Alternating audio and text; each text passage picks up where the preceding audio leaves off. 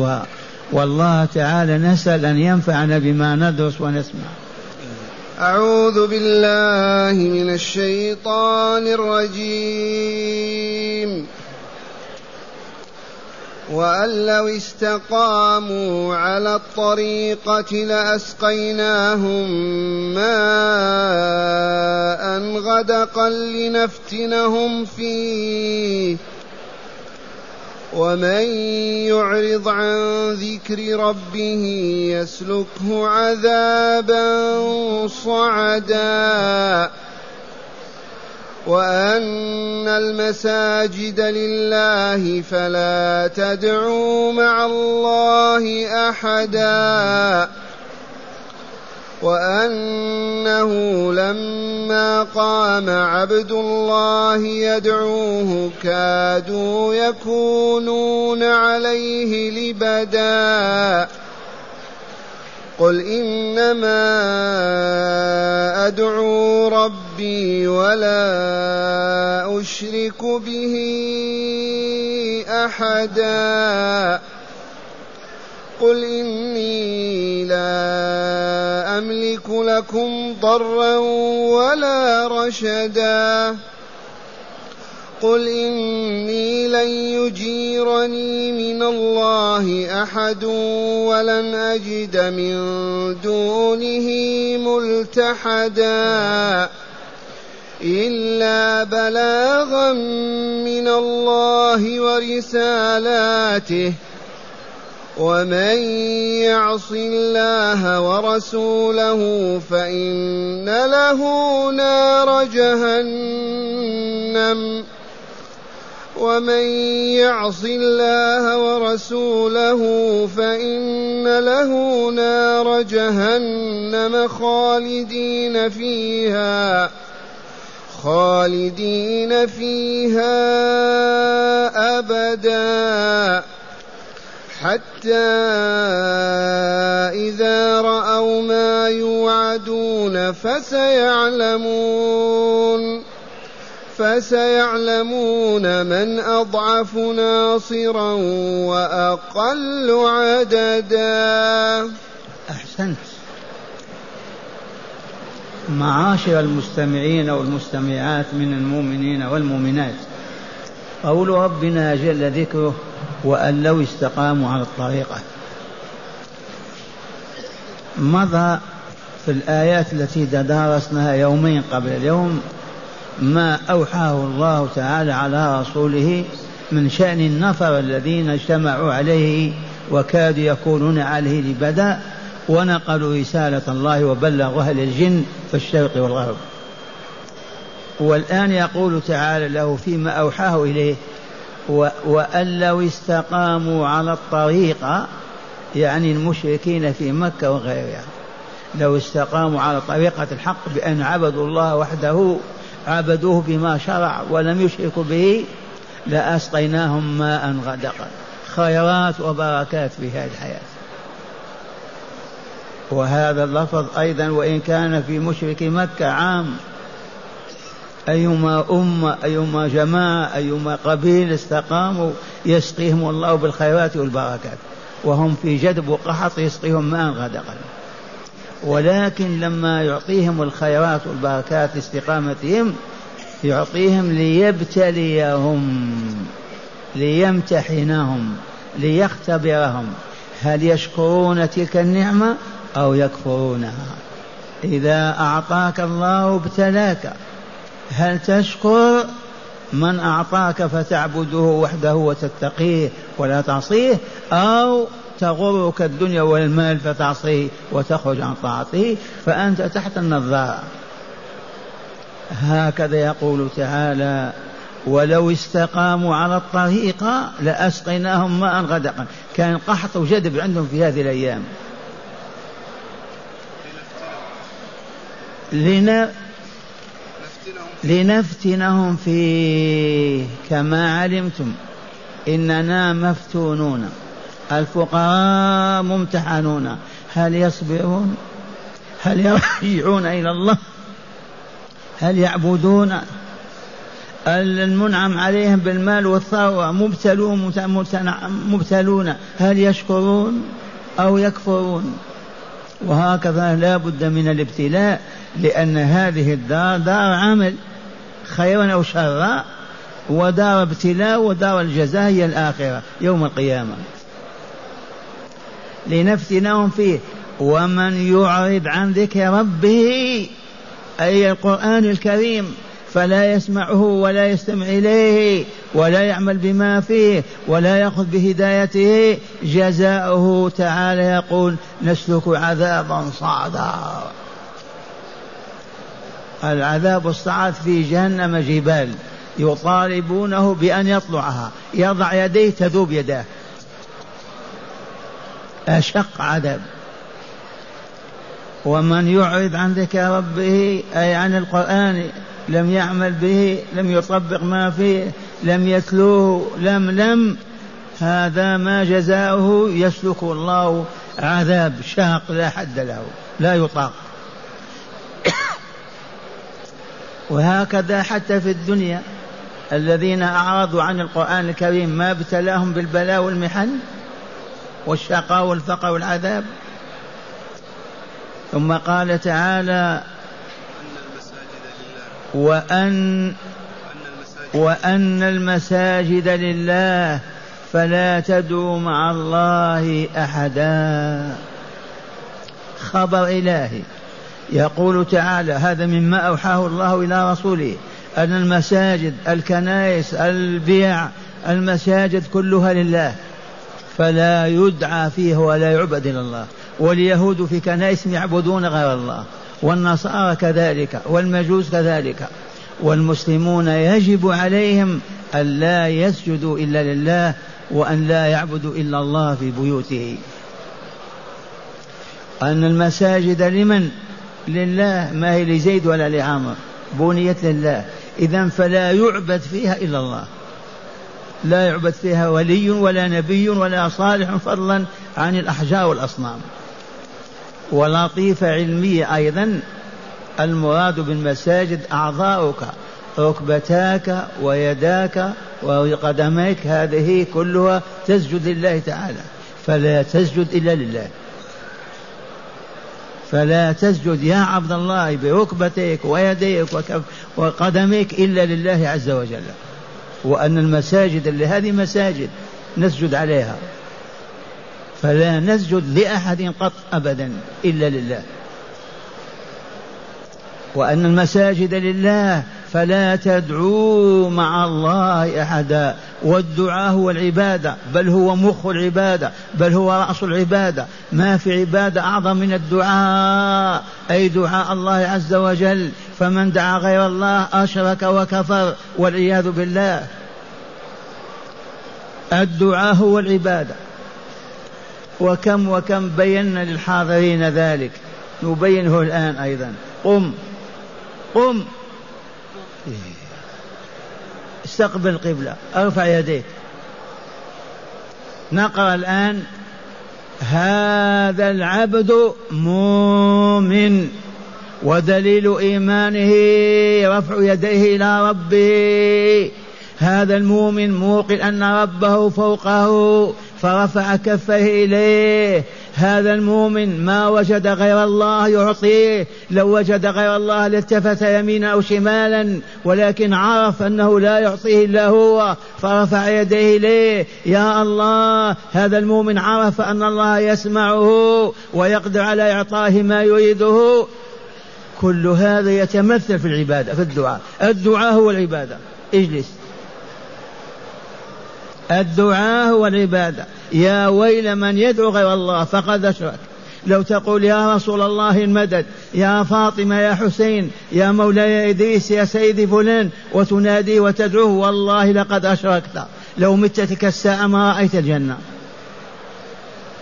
هذه الآية مقروءة بين النساء والرجال وأن المساجد لمن؟ فلا تدعوا مع الله أحدا. لا تعبدوا مع الله أحدا والدعاء هو العبادة ومخها. ثم قال تعالى مما أوحاه إلى رسوله في هذه الصورة وأنه لما قام عبد الله يدعوه كادوا يكونون عليه لبدا. لما قام في بطن نخلة يصلي الصبح بالمؤمنين كما علمتم. التف حوله الجن كادوا يغطونه. كادوا يكونون عليه لبد كلهم يريد أن يسمع ويتزاحمون ليسمعوا ما أوحى الله إلى رسوله وهو يقرأ به في سورة في صلاة الصبح. وأنه لما قام عبد الله من عبد الله هذا؟ والله إنه لمحمد رسول الله صلى الله عليه وسلم. محمد عبد الله إي والله. وأنتم عبيد الله إي والله. وما منا إلا وعبد الله. لما قام عبد الله يدعوه أن يدعو الله وهو يصلي بين يديهم التفوا حوله وكادوا يكون عليه لبد. أغطية وأغشية ثم قال تعالى آمرا رسول صلى الله عليه وسلم قل إنما أدعو ربي ولا أشرك به أحدا. هذا رد على زعماء قريش.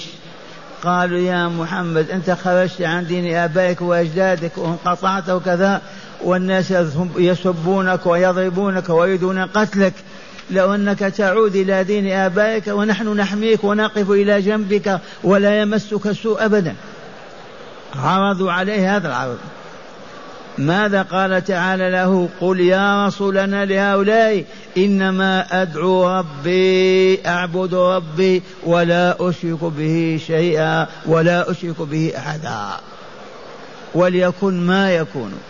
أنا أدعو ربي أعبد ربي ولا أشرك به أحدا. وليكن ما يكون منكم أو من غيركم. فالله ولي وهو حافظي.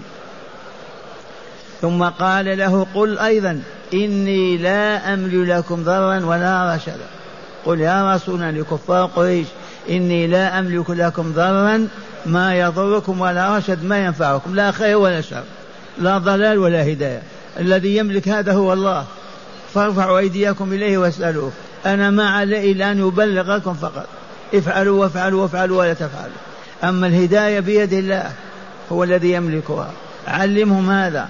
قل إنما قل إني لا أملك لكم ضرا ولا رشدا. ثالثا قل أيضا إني لن يجيرني من الله أحدا. علمهم بأنه لا يحفظك من الله إذا أراد عذابك إلا هو. لن يجيرني من الله أحد. فلهذا أستعصم بحبلي وأتمسك بدينه وأدعو إليه ولا أبالي بما يمكرون وما يبيتون وما يعدون. قل لهم هكذا. قل إني لن يجيرني من الله أحد ولن أجد من دونه ملتحد. ملجأ أبدا. ما عندي ملجأ الا الله. هكذا يثبته. وهو في أمة كافرة. تحاول قتله وتحاول ضربه. ضربوه حاولوا قتله. اثبت يا رسولنا وادعو دعوتك ولا تخف. علمهم هذا. قل إني لن يجيرني من الله أحد.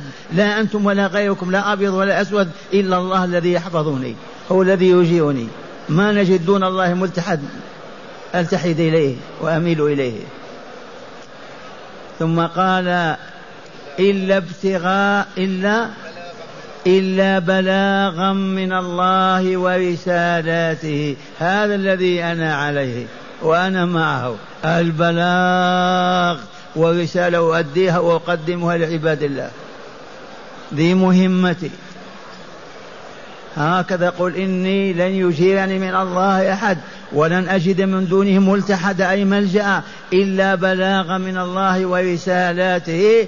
فأنا أبلغ كلام الله وأؤدي رسالة التي بعثت بها إلى الأبيض والأسود من البشر والنصب على ما يصيبني ولا أبالي بتهديدكم أو تخويفكم. ثم قال ومن يعص الله ورسوله هذا خبر عظيم. هذا عام في البشرية كلها إلى يوم الدين. اسمع ومن يعص الله ورسوله أي محمدا صلى الله عليه وسلم فيكفر ولا يؤمن فيشرك ولا يوحد فيفسق ويفجر ولا يعبد ذي هي المعصية. ومن يعص الله ورسوله فإن له نار جهنم خالدين فيها أبدا. هذه تشمل كل من يعصي. لكن إذا كان العاصي مؤمنا موحدا ودخل النار فيشفع فيه الشفعاء ويخرج. لكن من كان مشركا غير موحد يخلد فيها أبدا لأن معصية الكفر والشرك أعظم معصية. حتى معصية الطاعة لله ورسول تدخل النار والعياذ بالله. لكن أهل التوحيد ما يخلدون في النار.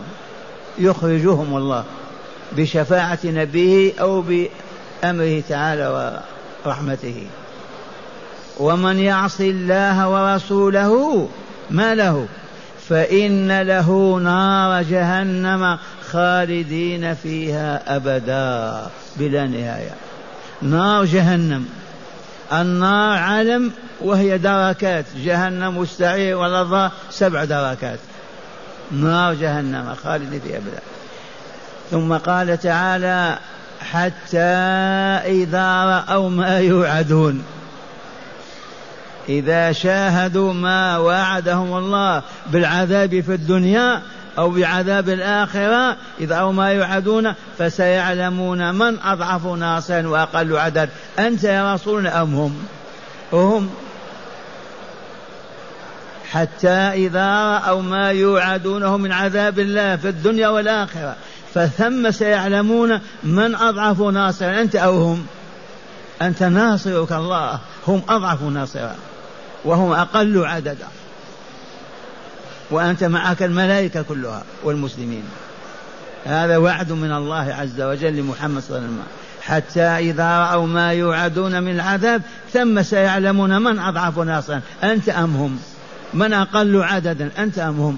لأنهم قالوا أنت من معك بلال وفلان وفلان وهم كلها ضدك. وثبت الله رسوله وقواه. وما هي إلا أعوام ونصره وما رفع إلى السماء ولا قبضت روحه إلا والجزيرة كلها إسلام وإيمان وليس فيها كافر ولا ظالم. والآن مع هداية الآيات. بسم الله والحمد لله والصلاة والسلام على خير خلق الله سيدنا ونبينا محمد وعلى آله وصحبه. من هداية هذه الآيات المباركات أولا الاستقامة على منهج الله تعالى القائم على الإيمان والطاعة لله ورسوله يفضي بسالكه إلى الخير الكثير والسعادة الكاملة في الدنيا والآخرة. من هداية الآيات أن من آمن بالله ووحده وعبده وأطاعه وأطاع رسوله وما عصى هذا مصيره الجنة. ينتهي إليها. نعم. ثانيا المال فتنة وقل من ينجو فيها. قال عمر رضي الله عنه اسمعوا كلمة عمر في المال. يا من يطلبون المال في الليل والنهار. اسمعوا ماذا قال. قال عمر رضي الله عنه أينما يكون الماء يكون المال وأينما يكون المال تكون الفتنة.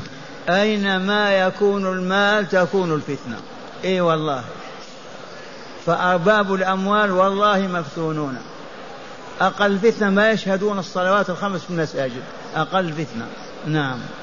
فلهذا ما نسأل الله المال أبدا. نسأله القوت الحسن فقط. نعم. ثالثا حرمة دعاء غير الله في المساجد وفي غيرها إلا أنها في المساجد أشد قبحا. حرمة دعاء غير الله في المساجد وفي غيرها لكن أشد قبحا في المسجد. بيت ربي وتدعو غير الله. والجهال عندنا يقف عند يا رسول الله المدد. يا فاطمة يا حسين. الروافض ينادون يدعون غير الله في بيوت الله لا يصح دعاء غير الله أبدا. لماذا؟ لأنه لا يسمع نداءك ودعاك إلا هو. نادي الآن عبد القادر عبد القادر يا جيلاني يا عبد ألف سنة. والله ما يسمعك. ولا تمتد يده إليك مقطع يده شلت يبست. فمن هو الذي يدعى إذن؟ الذي يسمعك ويراك ويقدر على أن يعطيك سؤالك الذي سألته. أما الذي لا يراك ولا يسمع صوتك وتناديه يفعلون هكذا مع الأولياء مع القبور. والعياذ بالله.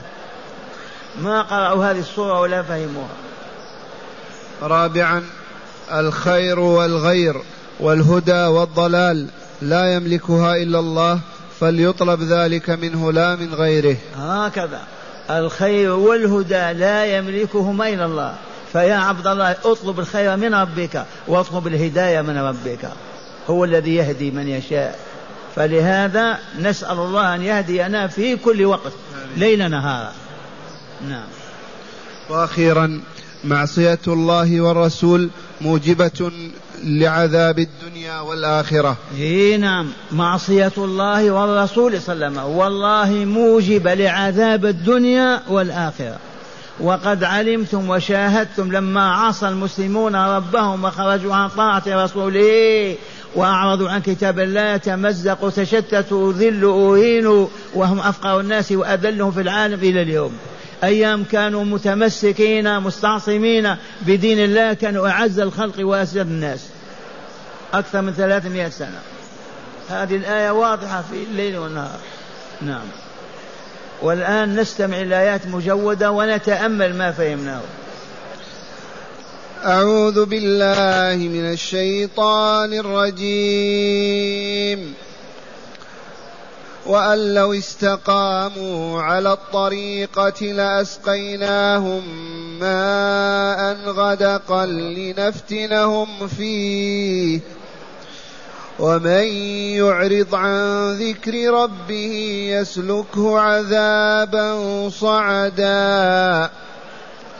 وأن المساجد لله فلا تدعوا مع الله أحدا.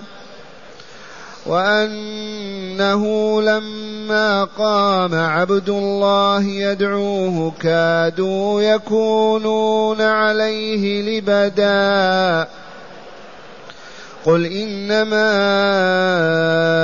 أدعو ربي ولا أشرك به أحدا. قل إني لا أملك لكم ضرا ولا رشدا قل إني لن يجيرني من الله أحد ولن أجد من دونه ملتحدا إلا بلاغا من الله ورسالاته ومن يعص الله ورسوله فإن له نار جهنم. فإن له نار جهنم خالدين فيها أبدا. حتى إذا رأوا ما يوعدون فسيعلمون. فسيعلمون من أضعف ناصرا وأقل عددا. أحسنت.